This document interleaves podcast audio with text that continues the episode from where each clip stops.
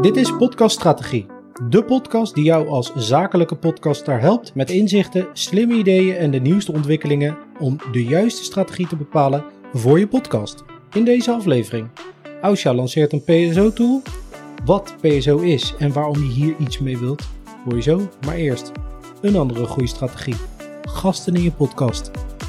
Eileen. Uit onderzoek van Pew Research, en dat zijn altijd wel hele leuke en interessante onderzoeken om te lezen, blijkt dat verreweg de meeste podcasts die in de top ranking van de US voorkomen, dat die gasten hebben. 76% van de podcasts heeft een keer een gast of altijd een gast. Dus het is wel een vrij brede selectie. De studie is uitgevoerd over 434 top-ranked shows over allerlei verschillende genres. Wat niet zo heel gek is, maar wel grappig is dat True Crime juist bijna geen gasten in de podcast heeft. Die overlijden allemaal voor de bal. Precies, of, of, of ze zijn aan het vluchten. Maar shows over een specifiek topic en society culture en alles, dat, uh, daar zie je wel veel. Gasten, nou nog een aantal grappige weetjes. Dat 22% van de gasten meer dan één keer in een podcast te horen was, maar dat die 22 personen wel de helft van al die guest appearances, van al die Gastoptredens. gastoptredens, uh, heeft verzorgd. Dus als je een podcastgast bent, dan ben je een soort van draaideurgast in verschillende podcasts. Als je eenmaal één keer te gast bent, dan is dat gelijk de identiteit die je jezelf aangemeten hebt. De gast. Nou, het is misschien wel iets waar je dan meer van wil. Kan me voorstellen. Althans, deze personen wel. Mhm. Nou, te gast zijn in de podcast is natuurlijk ook een enorme groeistrategie. In ieder geval, misschien niet eens voor je eigen podcast, maar gewoon voor jouw bekendheid. Maar naar aanleiding van dit eh, onderzoekje, linkje vind je in de show notes. eh, echt even leuk om te lezen. Wou ik het ook hebben over de groeistrategie van gasten in je podcast uitnodigen. Het is namelijk niet alleen goed voor de diversiteit van de onderwerpen van de invalshoeken. Vooral als je natuurlijk al wat langer aan het podcasten bent en je doet het allemaal solo, dan is het best nog wel eens te overwegen waard om voor de frisheid van je show om eens een gast uit te nodigen. En hou altijd, alsjeblieft, altijd je publiek in de gaten. Het doel waarom je deze podcast aan het maken bent. En dat je publiek er ook iets aan heeft. Maar daarvoor kan het heel mooi zijn. Maar het feit dat jij een gast uitnodigt, betekent dat jij met jouw podcast en met jouw business als zakelijke podcaster ook toegang krijgt tot het publiek van die gast. En voor mij geldt het, en ik weet niet hoe dat met jou zit. Als ik een gast in een podcast heb gehoord, dan ben ik best wel geneigd om die gast misschien wel vrijwel hetzelfde verhaal in een andere podcast ook te horen vertellen. Als ik een nieuwe podcast ontdek en ik weet dat er gasten in zitten, dan scroll ik door de lijst heen. En ja, een van de eerste afleveringen die ik dan aanklik, is met een gast die ik bijvoorbeeld al ken. Want dan weet ik, oké, dat is succesverzekerd.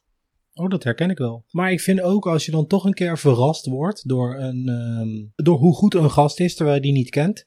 Dan ga je dus ook gelijk op zoek naar andere podcasts met die gast daarin. Dus het werkt twee kanten op. Ja, en jij bent dan eh, het publiek van die gast. En die neemt jou mee Jazeker. naar een andere podcast. Ja. En dat is een soort, ja, het, het lijkt een soort secundaire groeistrategie. Mhm. Maar het is er wel. Luisteraars volgen de gast.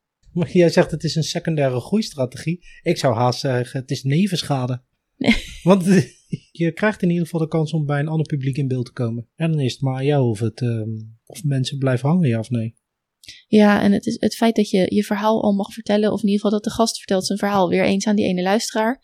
Jij krijgt de kans om jouw stem ook te laten horen, letterlijk. En dus die verbinding aan te gaan met die nieuwe luisteraar die die gast aan het volgen is. Het is misschien ook goed om je bewust van te zijn. Als je een gast uitnodigt in je podcast, dat je weet, jouw publiek gaat nu, een deel van jouw publiek gaat nu ook naar mij luisteren. Dan is het misschien ook nog wel interessant, bedenk ik me nu, om dus voordat je die gast te spreken krijgt, om toch even kort met elkaar erover te hebben. Wie is jouw publiek eigenlijk? Wie luistert er graag naar jou? Of wie spreek jij nou eigenlijk aan? Zodat je misschien je verhaal zowel op jouw publiek, op jouw luisteraarspubliek kan afstemmen, maar dat je ook zeg maar in de gaten hebt van welke nieuwe luisteraars trek ik nog meer. Kan ook interessant zijn om dan in de show notes een andere aflevering aan te raden voor dat luisterpubliek, zodat je ze ook houdt. Van joh, wat is nou interessant voor je?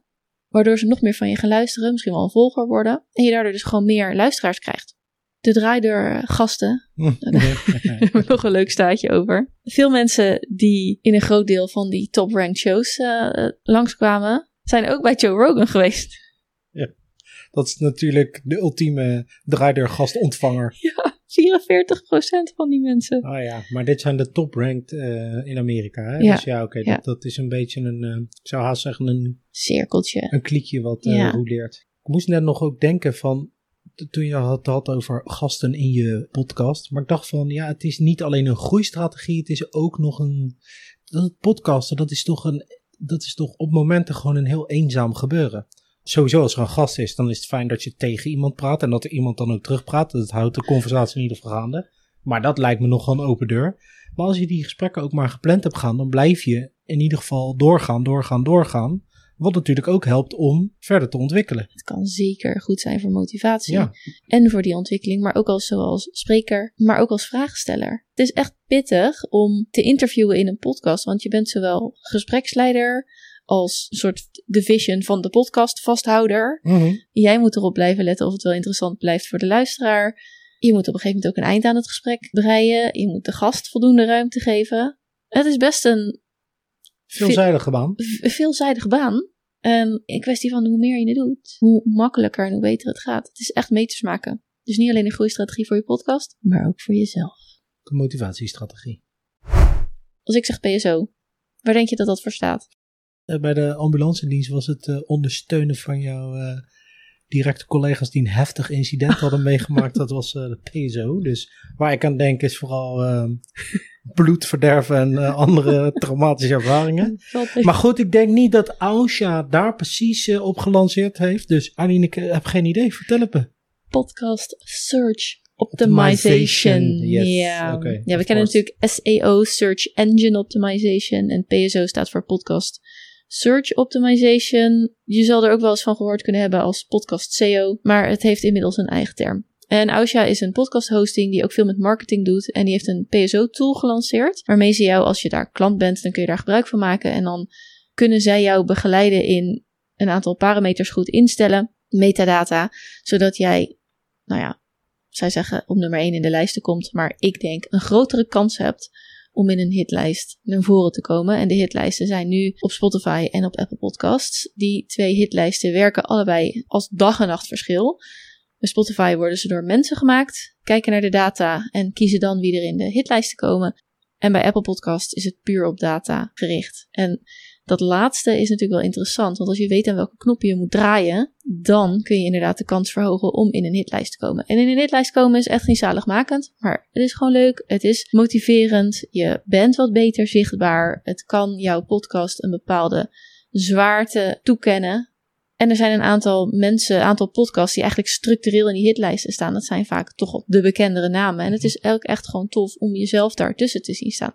Als je het hebt over podcasten, motivatie, kan het ontzettend goed werken. Maar als je kijkt naar Apple Podcasts, die kijkt naar afluistertijd, dus afluisterpercentage. Hoe lang luistert een luisteraar jouw aflevering af? Dat zegt iets over de kwaliteit van jouw aflevering en hoe lang je die luisteraar vast kan houden. Het is inderdaad het aantal luisteraars en, en meer in een korte periode. En dat zijn het aantal mensen dat gaat volgen naar aanleiding van een aflevering. Dit zijn natuurlijk wel data waar zo'n hosting jou bij kan ondersteunen. Maar een ander deel van podcast search optimization is natuurlijk de zoekwoorden. Ja, in je titel, maar ook in je show notes. Zeker, ja. En geheim van de Smit tip in het auteurveld. Vooral Apple Podcasts zoekt ook op auteur.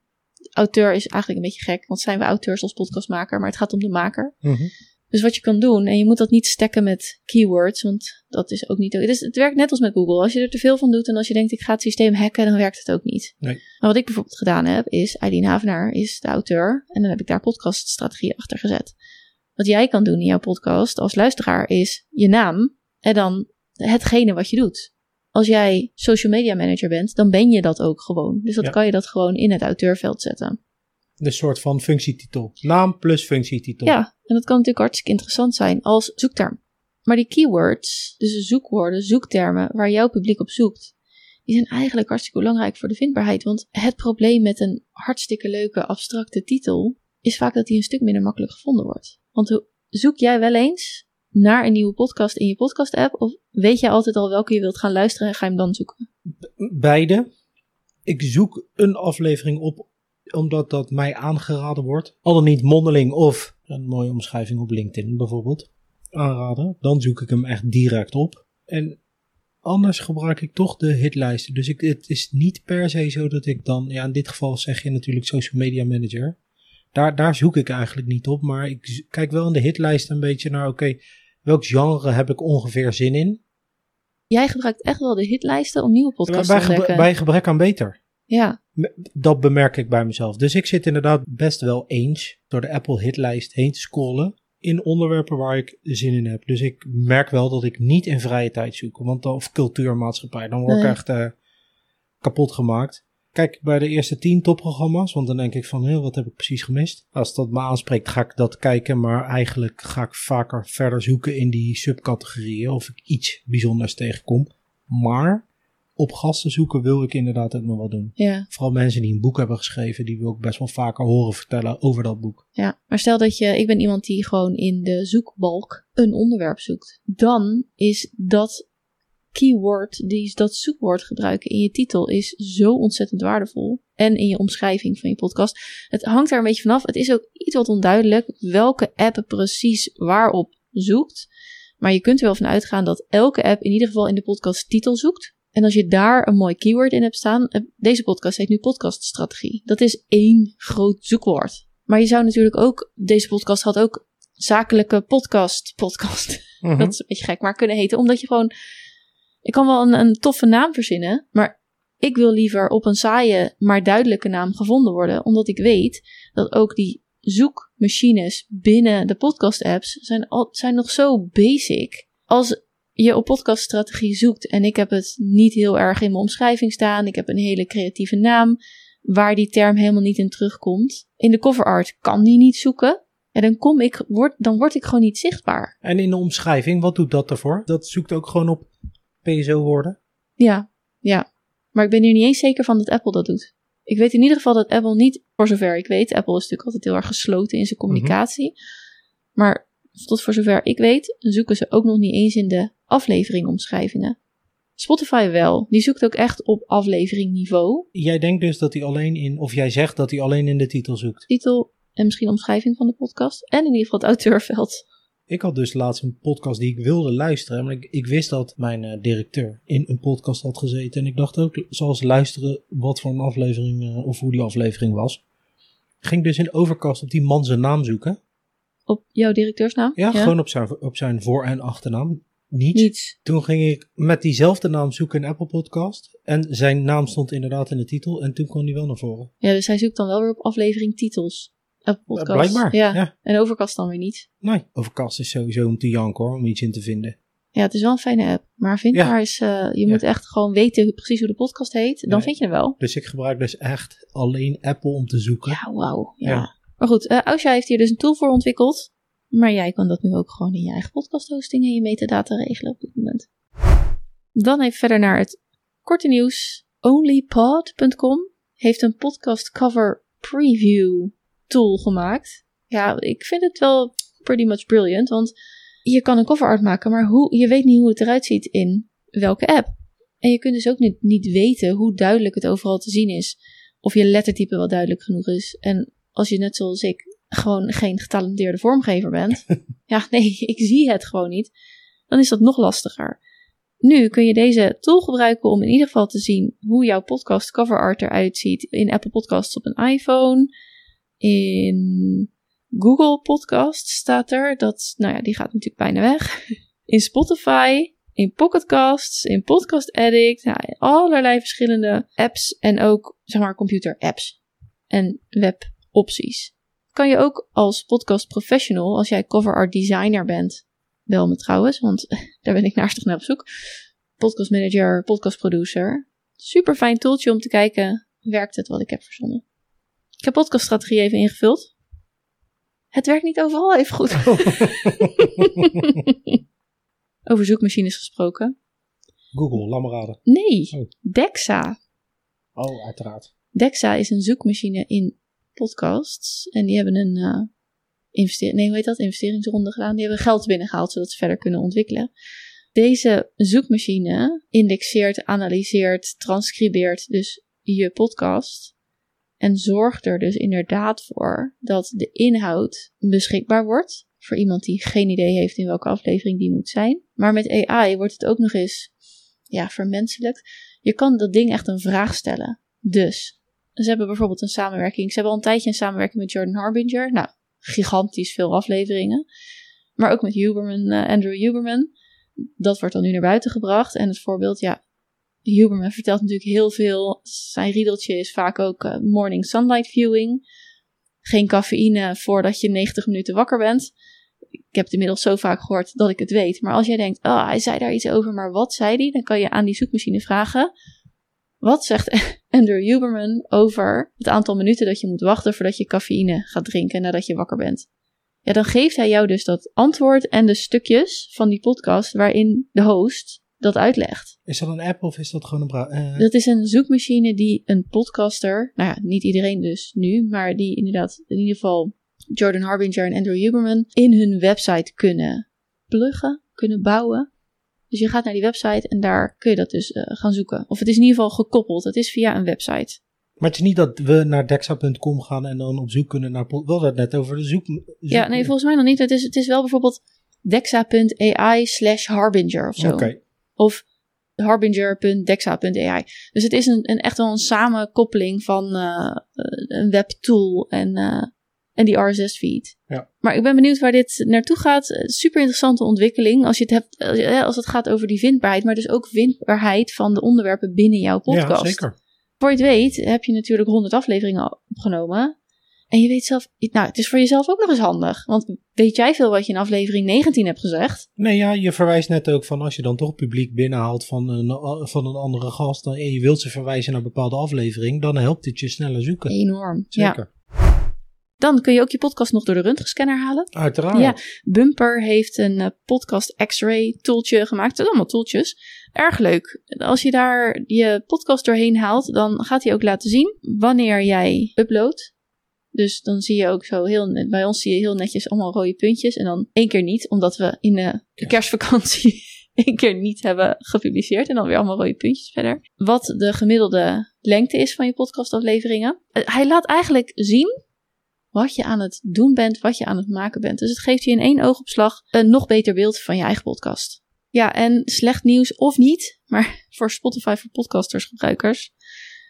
De app waarmee je zo goed kon opnemen, die is al veranderd. Ze hebben eigenlijk van de een op de andere dag een integratie met Riverside. Dat is ook een opnamesysteem, hebben ze bekendgemaakt. Het komt er dus eigenlijk op neer dat ze de expertise van Riverside naar binnen halen. Podcasters bij podcast, Spotify podcasters vroeger Anchor, kunnen nog steeds gebruik maken van die opnamemogelijkheid. Maar ze gaan dus gebruik maken van de techniek en de expertise van zo'n Riverside. Dus ze stoten stukjes van hun eigen ontwikkelde tools voor de podcasters af om die link met Riverside te leggen. Is aan de ene kant natuurlijk fijn als podcaster, omdat je een gespecialiseerde tool krijgt, maar je moet, nou ja, toch weer even doorklikken, denk ik, naar Riverside toe. Het is een begrijpelijke keuze vanuit de business, want Spotify moet gewoon krimpen in zijn kosten. Ik ben heel benieuwd wat over een paar weken ook de mening van de gebruiker zal zijn. Het is niet alleen het opnemen, ook het editen gaat vanaf nu in de Riverside app of de Riverside add-on van uh, Spotify voor podcasters. En ze gaan nog een aantal andere delen van hun services stoppen. Music and Talk format bijvoorbeeld. Dat wordt hier omschreven als een experiment, waar je zelf een soort van je eigen radioshow van kan maken. Dus je kon muziektracks die in Spotify stonden, kon je in een soort uitzending en dan kon je dat zelf aan elkaar praten. Dat gaat ook weg. We gaan zien waar het, uh, waar het eindigt. Nog een tip via mede-podcast manager Jessica Boots, die kwam ik tegen.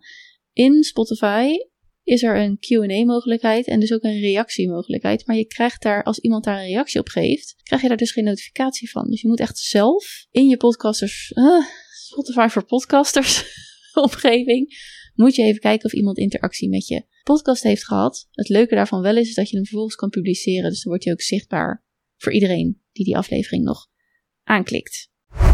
Ben je klant bij Podbean, dan krijg je binnenkort Podbean AI.